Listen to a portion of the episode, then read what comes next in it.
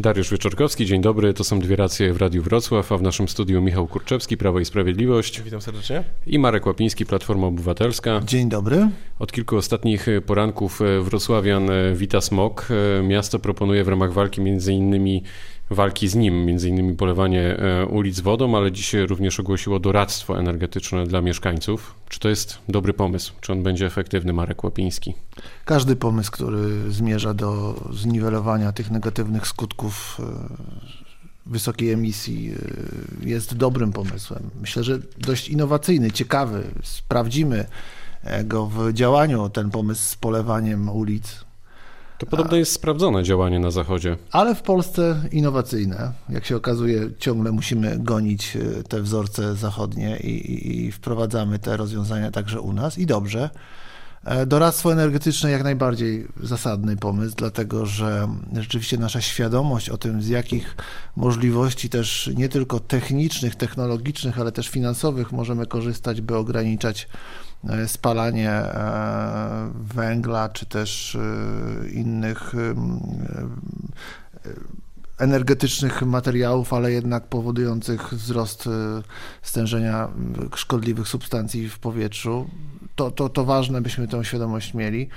Z mojej perspektywy głównie e, oczekiwałbym wzmocnienia akcji promocyjnej, jeżeli chodzi o zmianę źródeł ciepła i finansowania tego, te, tej, tej zmiany, a także edukowanie mieszkańców, jeżeli chodzi o możliwości mm, rekompensaty wzrostu, wzrostu kosztów tego spalania, y, lepszej jakości węgla, czy też przejścia na, na ogrzewanie gazowe, czy też pompy ciepła. Wiadomo, że to jest wyższy koszt niż palenie E, niskiej jakości węgla. W związku z tym ta edukacja, promocja, kontakt bezpośredni z mieszkańcami jest jak najbardziej e, zasadny, a jak to wygląda, widzimy w praktyce. Nie każdy ma dostęp do tej informacji, w związku z tym ta akcja informacyjna, popularyzatorska powinna być e, mocniejsza i skuteczniejsza. Michał Kurczewski.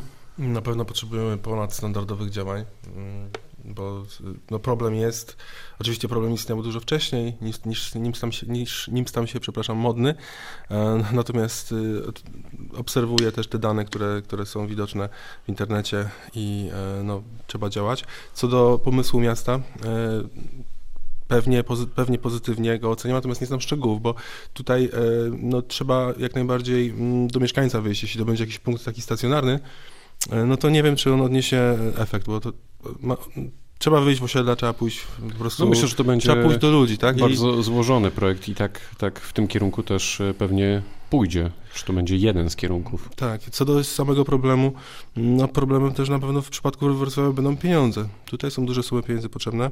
Jak wiemy, e, no te pieniądze, które by mogły na przykład pójść na walkę ze smogiem, w poprzednich latach z Rafała Dudkiewicza poszły na rzeczy mm, tak zwane prestiżowe, tak, Narodowe Forum Muzyki, Stadion. Prezydent Dudkiewicz był krytykowany e, i tej krytyki nie przyjmował. Znaczy, szliśmy w projekty Nie bardzo... dostrzegał problemu smogu? Mm, ja myślę, że był zamknięty w swoim jakby otoczeniu, środowisku i nie chciał tego dostrzegać być może. I pieniądze szły na rzeczy no, niekoniecznie tak aż potrzebne i też była, no, były problemy z tymi inwestycjami. Jak wiemy, do tej pory Narodowe Forum Muzyki jest y, podmywane, że tak powiem. Y, stadion z kolei, no, też były kontrole NIK-u, które wykazały. Ale zostawmy te tematy. Generalnie są potrzebne duże środki. Y, nie wiem, czy na tyle jest tych pieniędzy w budżecie, żeby szybko pozbyć się problemu. Ze strony, jeśli chodzi o domki jednorodzinne, mm, tutaj rząd wyszedł, że tak powiem, pomocną dłoń wystawia. No jest duża kwota do 2029 roku, 103 miliardy to jest ogromna kwota. E, no i ten program Czyste Powietrze na pewno w Wrocławiu też pomoże, bo domków e, jednorodzinnych, osiedli z domkami jednorodzinnymi jest sporo i to one w dużym stopniu odpowiadają za problem, oprócz kamienic oczywiście, które są głównym problemem. Marek Łapiński, a wy przez 8 lat e, jako Platforma dostrzegaliście problem smogu? To naturalne, że wdrażane były programy, chociażby program Kawka, wymiany pieców na ekologiczne, promowanie ekologicznych źródeł e, ciepła. E, powstał program ochrony powietrza w Urzędzie Marszałkowskim, taki dziesięcioletni program.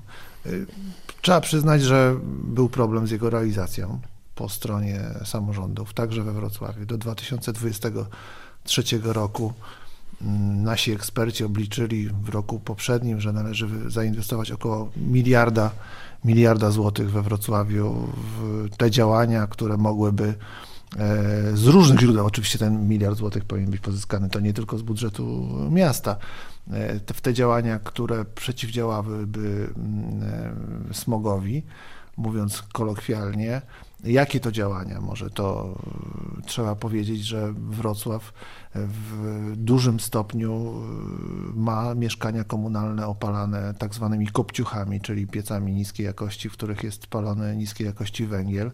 Wymiana tych piecy na, na, na ekologiczne jak najbardziej e, przysporzy korzyści, czyli ograniczenia smogu we Wrocławiu. I główny problem, e, z którym należy się zmierzyć, z którym trzeba się zmierzyć, to podłączanie do sieci elektrociepłowni, do sieci e, ciepłowniczej e, większej ilości głównie mieszkań komunalnych. To się wiąże z inwestycjami po stronie dostawcy. Tu Ale to już się dzieje. Otwartość I o tym, po stronie foru, O tym mówimy. Tak, natomiast też Wrocław wymaga lepszej lepszego zbadania poziomu smogu, bo tych mierników e, smogu niewiele. jakości powietrza jest niewiele. W związku z tym w programie Smart City, który został ogłoszony wczoraj e, przez Urząd Miejski Wrocławia, zapowiedziano, że liczba czujników, pomiarników smogu będzie większa i, i to nie jest duży koszt, a jednak ta świadomość i wiedza o tym, jaka jest jakość powietrza w poszczególnych osiedlach, nawet ulicach będzie większa. Niewątpliwie też taka, mm, takie podejście ze strony mieszkańców, którzy mogą informować Straż Miejską, że widzą jakieś u sąsiada, u na, sąsiada przykład. na przykład jakieś niepokojące e, objawy wizualne czy też zapachowe, jest wskazana. Ja tu nie namawiam do, do nosicielstwa, ale do wspólnego dbania o nasze zdrowie to może wzorem aktorki Grażyny Wolszczak należy walczyć o odszkodowanie za to, że e, oddychamy fatalnym powietrzem. Może wtedy urzędnicy przyspieszą. Prawnicy e, tutaj stają, e, stoją jasno na stanowisku, że faktycznie jest to jeden ze sposobów efektywnych na to, żeby tym urzędnikom trochę tam wbić. Mhm do głowy, że problem jest faktyczny i, i poważny, Michał Kurczewski.